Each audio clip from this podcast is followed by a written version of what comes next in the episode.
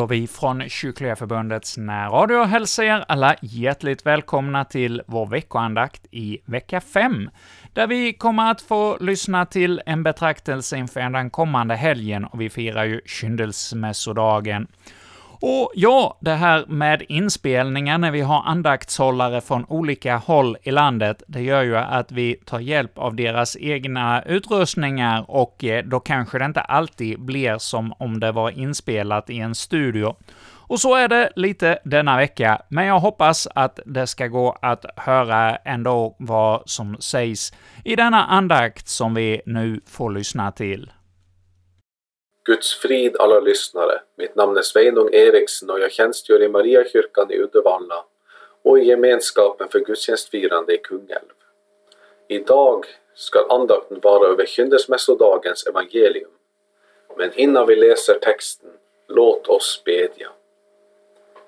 Du pärla skön av himmelrik, Marias son Gud fader lik, min frälsare, min konung. Kom rede i mitt hjärta rum, din kärleks evangelium är mig mer djupt än honung. Eja, eja, Hosianna, himmelsk manna, oss förunnas, Jesus, när ditt ord förkunnas. Ut i mitt hjärta lys och skin, du klara jaspis och rubin, med all din kärlek blida. Ja, låt mig känna att jag är en lem i din församling kär, med dem som dig förbida.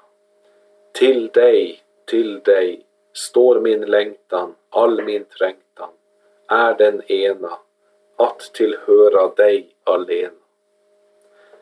Allsmäktige evige Gud, du som denna dag lät din son bli framburen inför dig i templet. Ge oss dina barn rena hjärtan så att vi alltid kan komma inför dig, trygga och dig behagliga genom din son Jesus Kristus, vår Herre, som med dig och den helige Ande lever och regerar i en gudom från evighet till evighet. Amen. Upplyft era hjärtan till Gud och hör dagens heliga evangelium. Så skriver evangelisten Lukas i sitt andra kapitel från vers 22. När tiden för deras rening var förbi, den som var föreskriven i Mose lag, förde Josef och Maria barnet Jesus upp till Jerusalem för att bära fram honom inför Herren, som det var befallt i Herrens lag.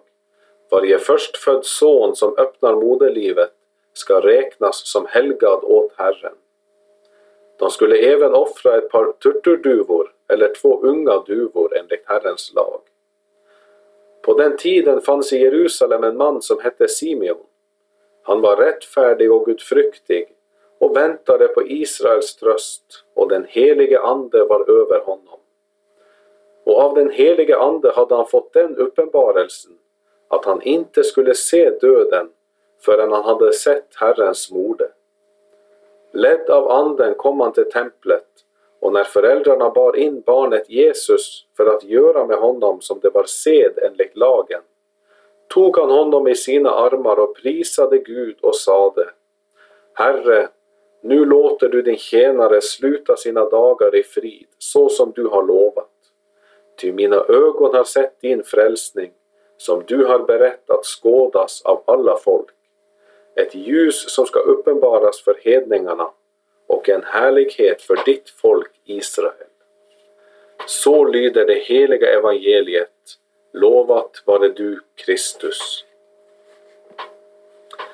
Idag när vi firar kyndelsmässodagen eller Jungfru Maria kyr kyrkogångsdag så är detta en festdag. Därför har vi den vita färgen i kyrkor. För det som vi läser om idag är en viktig händelse för vår frälsning. För så som Guds offerlamm behövde Jesus vara oklanderlig enligt lagen. Det hade inte räckt om han enbart från 30 års ålder hade börjat uppfylla lagen, utan om han skulle vara ren och fläckfri så behövde han från sin avlelse av att leva syndfritt och uppfylla lagen i alla delar. Och så som Gud har lagt ett stort ansvar på alla föräldrar och på många sätt låter de få en oerhörd betydelse i barnens liv, även andligen, så har Gud i viss mån förordnat det så även med vår frälsare. För om han skulle kunna vara den frälsare, det ljus till uppenbarelse för hedningarna och en härlighet för sitt folk Israel som han var satt att vara, så berodde det faktiskt till viss del på Maria och Josefs agerande. För hade de inte framburit Jesus att omskäras och hade de inte burit honom till templet som vi hör idag så hade Jesus faktiskt inte varit utan fel och lyte enligt lagen. Inte så att vår frälsning beror på Maria och Josefs gärningar. För Gud kunde ha drivit dem av anden att göra det som var nödvändigt, så som han drev Simeon.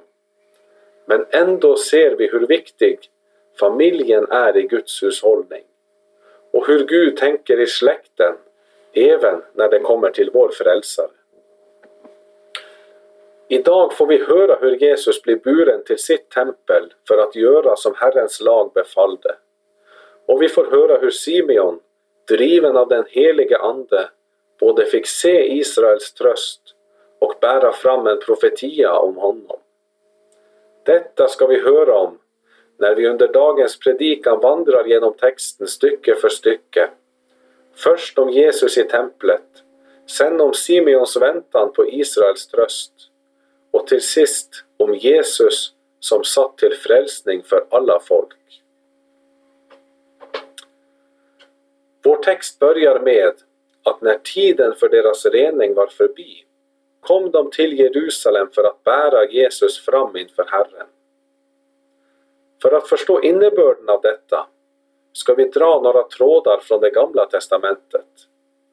Detta bygger på vad Herren sa till Moses om att allt förstfödd bland människor och djur skulle helgas åt honom. Det skulle avskiljas för Herren. Andra Mosebok förklarar att när din son i framtiden frågar dig vad detta betyder ska du svara honom med stark hand förde Herren oss ut ur Egypten, ur träldomshuset. Eftersom farao hårdnackat vägrade att släppa oss dödade Herren allt förstfödd i Egyptiens land, från den förstfödde bland människor till det förstfödde bland boskap. Därför offrar jag åt Herren allt som öppnar moderlivet och är av handkön, och varje förstfödd son löser jag ut. Ja, allt förstfödd skulle höra Herren till. Men senare så utvalde Gud Levis stam såsom ställföreträdare för allt förstfödd. Så att enbart Levis stam blev avskilt för Herrens tjänst i helgedomen. De fick därför inte avslått i Kanaans land såsom de andra stammarna, utan skulle ägna sig åt Herrens helgedom. Genom att betala ett lösen när man bar fram det förstfödda barnet inför Herren skulle han ges tillbaka till familjen. Det var detta som Maria och Josef gjorde med Jesus. Och som Moses sade, så hör detta samman med Herrens befrielse från Egypten, ur slavoket. Där sparade han allt förstfödda av Israel. Men nu kommer den enda förstfödda som måtte offras, som offerblodet på Israels dörrpostar var en förebild på. Han frambärs nu inför Herren. Men han behövde ju inte göra allt som stod i lagen, inte för egen del, utan han blev frivillig i lydnad till Fadern, född av kvinna och ställt under lagen för att han skulle friköpa dem som stod under lagen, så att vi skulle få söners rätt. Allt detta gjorde Jesus för vår skull. För vår frälsnings skull var det nödvändigt att han omskars och framställdes inför templet och alltså från födseln av fullgjorde allt, fullgjorde lagen i ett och allt. Bara då kunde han göras till en förbandelse för oss genom att vara det Guds lamm som bar världens synd upp på Golgata träd. Bara då kunde Gud spara Israels förstfödda i Egyptiens land, därför att deras lösen, den förstföddes blod, som Jesus utgav i deras ställe i framtiden skulle komma och betala deras synd och befria dem från döden. Han ställdes nu fram för Herren. Han blir buren till sitt eget hus, Herrens tempel. Och han är själv det nya templet. Som han sade till judarna i Johannes 2. Bryt ner detta tempel, så ska jag resa upp det på tre dagar. Detta som de inte förstod handlade om hans egen kropp. Och Johannes säger i prologen att ordet blev kött och tältade eller tabernaklade bland oss och vi såg hans härlighet, en härlighet som den enfödde har av Fadern och han var full av nåd och sanning. Ordet Kristus tältade bland oss så som helgedomen tältade bland Israels folk under ökenvandringen. Det visar att den plats som Herren uppenbarade sig genom i det gamla förbundet och som hans härlighet vilade över, det är i det nya förbundet Jesus själv. Paulus säger att Jesus är nådastolen, sätet som fanns på förbundsarken inne i det allra heligaste. Det var platsen där man sonade hela Israels synd. Och det allra heligaste var i det gamla förbundet en förebild på himlen, där Gud själv bor och uppenbarar sig. Och Hebreerbrevet gör det tydligt för oss att Jesus inte enbart bar sitt offerblod in i det jordiska tempel, det som var en förebild och en skugga av verkligheten, utan Jesus bar sin egen kropp och blod som offer in i den himmelska helgedomen. Den som Mose fick se på Sinai och skulle bygga den jordiska helgedomen efter.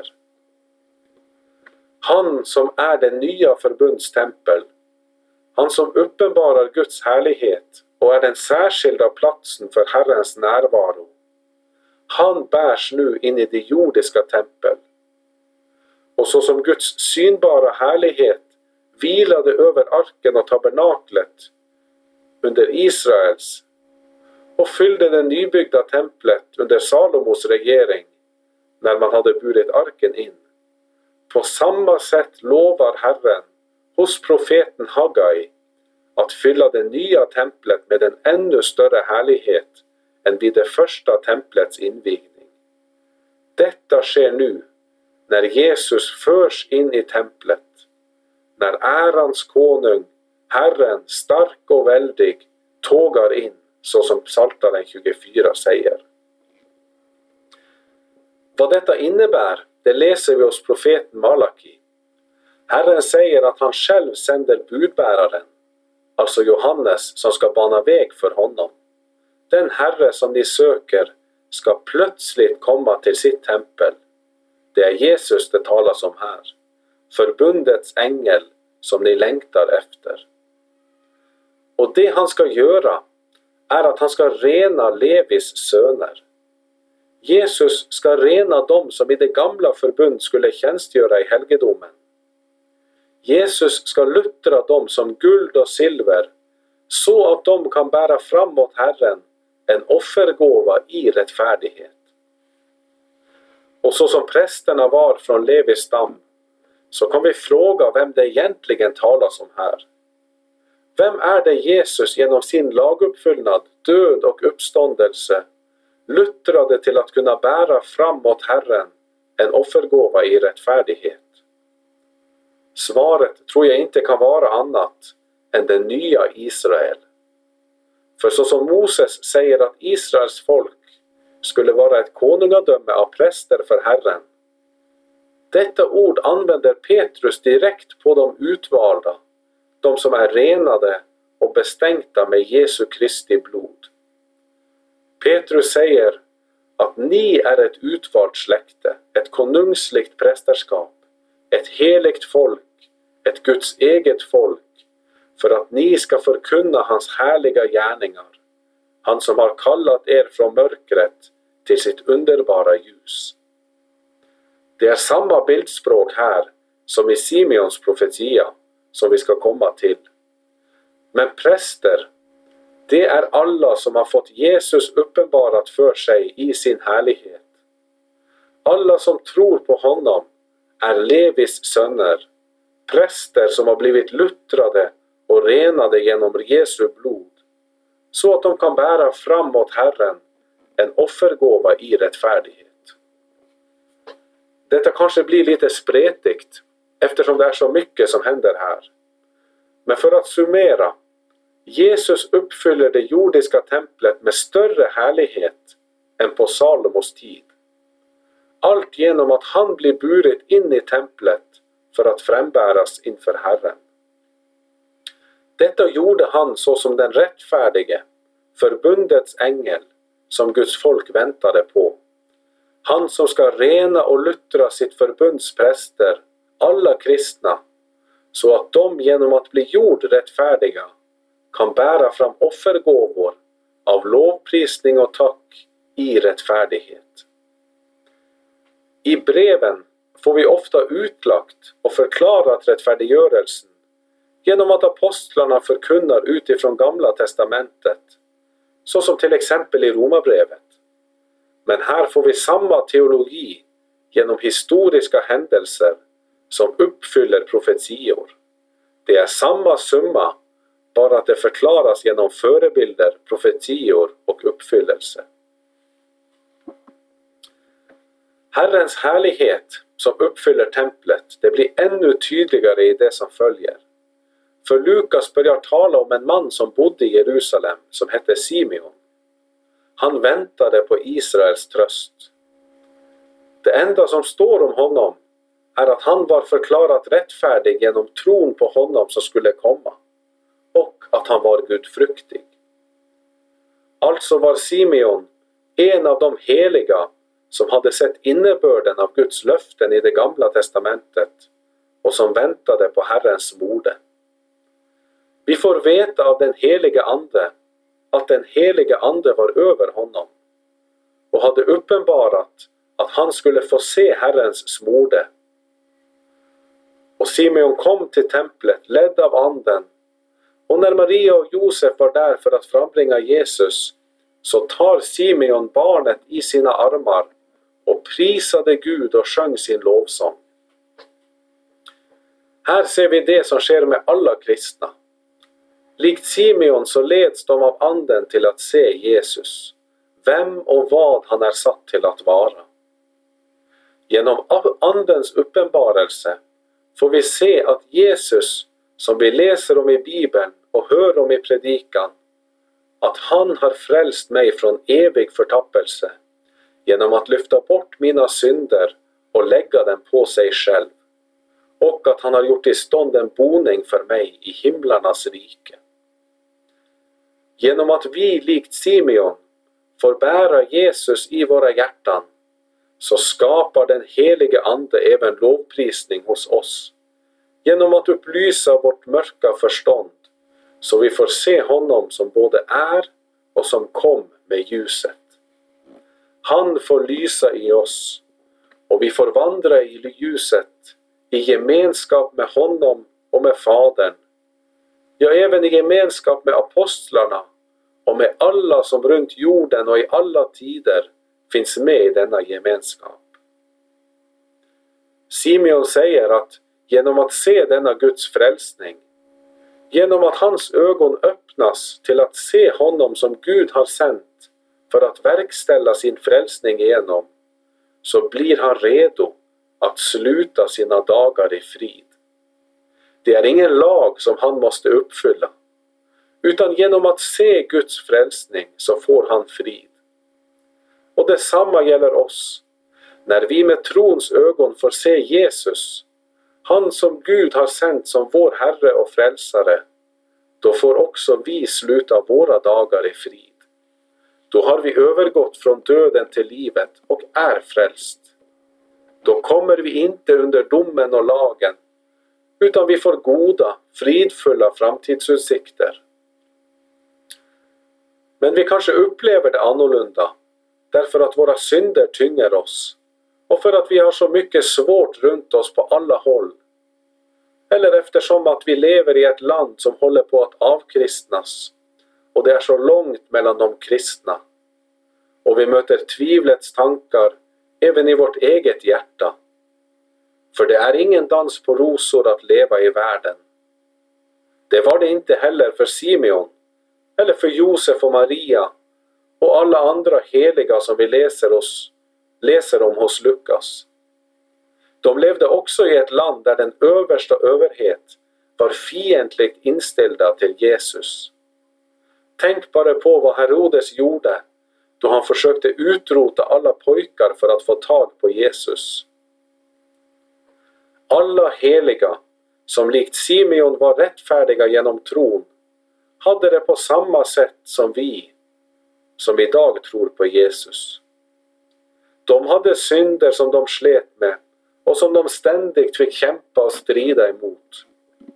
Och de hade såsom kristna idag en sorg över hur lite de tyckte deras liv var i enlighet med Herrens vilja. För de var inte syndfria, så som katolikerna tänker om helgonen, utan de var rättfärdiga människor som bar med sig köttet. Men trots detta kunde Simeon jubla att nu låter Herren honom sluta hans dagar i frid, och det får vi också. Genom att hålla en öppen bibel i våra armar så får vi se honom som är ordet, använda tid med honom och öva oss i att inte enbart tänka på det som finns i vår vardag utan mer och mer fokusera på vad vi äger i honom. För genom dopet flyttades vi över från djävulens och dödens rike in i det rike som Herren regerar över. Och då mottog vi allt som hör till, detta, e, till det eviga livet. Och genom tron på skriftens ord är vi rättfärdiga, rika och har genom Herren ett säkrare försvar än de mest välrustade militära försvarssystemen kan ge. För genom dopet och tron är vi himmelrikets arvingar och vi skyddas av allsmäktig Gud får vi med trons ögon ha blicken fäst vid detta som vi äger enbart i Kristus, då behöver vi inte sörja eller klaga. Utan även våra lidanden kan då ses som något nyttigt och gott. Och vi kan med lovprisning se på framtiden med visshet och frid. För faran för alla kristna är inte att vi lever i världen och har köttet att strida med utan faran är om vi vänder oss bort från det som vi äger i Herren, så att vi slutar strida mot köttet och blir av världen. Men genom att se Jesus bevaras vi från detta och får med Simeon tänka förtröstansfullt om döden och all svårighet som kommer att möta oss på vägen dit. För även om slutet på en kristens dagar ska vara i evig frid, så är vandringen fram mot målet fylld med mycken strid och kamp. Men Herrens löften är det som bär oss genom allt. Ja, Simeon fick se Herrens frälsning. Han fick se honom som Herren själv har berättat skådas av alla folk. Detta som uppenbaras genom Herren själv, han som är det nya förbundets tempel.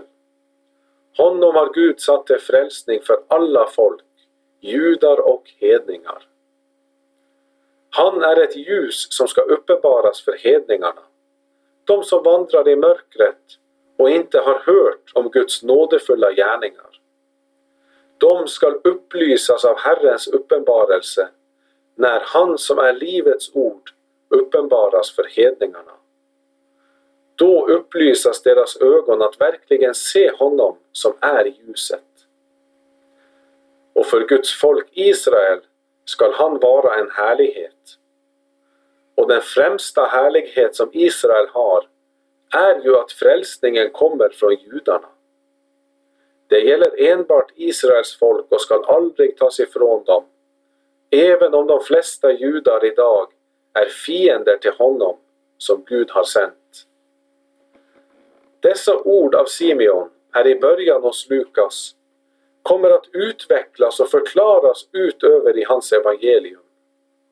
För Lukas evangeliet det talar upprepande just om stängda och öppnade ögon, som en bild på vad som finns i hjärtat. Om man är öppen eller stängd för budskapet om den korsfäste och uppståndna Jesus Kristus. Det handlar om trons ögon. Och detta ser vi till exempel med Emmausvandrarna, vilkas ögon var stängda men som blev öppnade när Jesus bröt brödet. Ögonen visar hos Lukas, så som ljus och mörker också gör det, om man uppfattar eller missuppfattar Guds uppenbarelse i Jesus. Simeons ögon fick se Herrens frälsning, som är ett ljus som ska uppenbaras för hedningarna. Men i synagogan, när Jesus fick tilldelat Jesajas bokrulle och predikade ett nådens år från Herren, då var också allas ögon riktade mot honom. Men det drev dem att försöka kasta honom utför klippan. Och därför är frågan för oss alla, har vi stängda ögon så som de i synagogan? Eller har Herren fått öppnat våra ögon, våra trons ögon, att se med? Jesus säger till lärjungarna Saliga är de ögon som ser det ni ser. Detta som Gud har dolt för de visa och kloka, men uppenbarat för de olärda och små. Faderns goda vilja är att de som inte är för stora och kloka, utan som är små och ödmjuka och därför ställer sig under ordets ljus, att de ska få öppnade ögon att se den härlighet som uppenbaras genom Jesus Kristus. Han som är satt som ett ljus till uppenbarelse för hedningar och en härlighet för sitt folk Israel.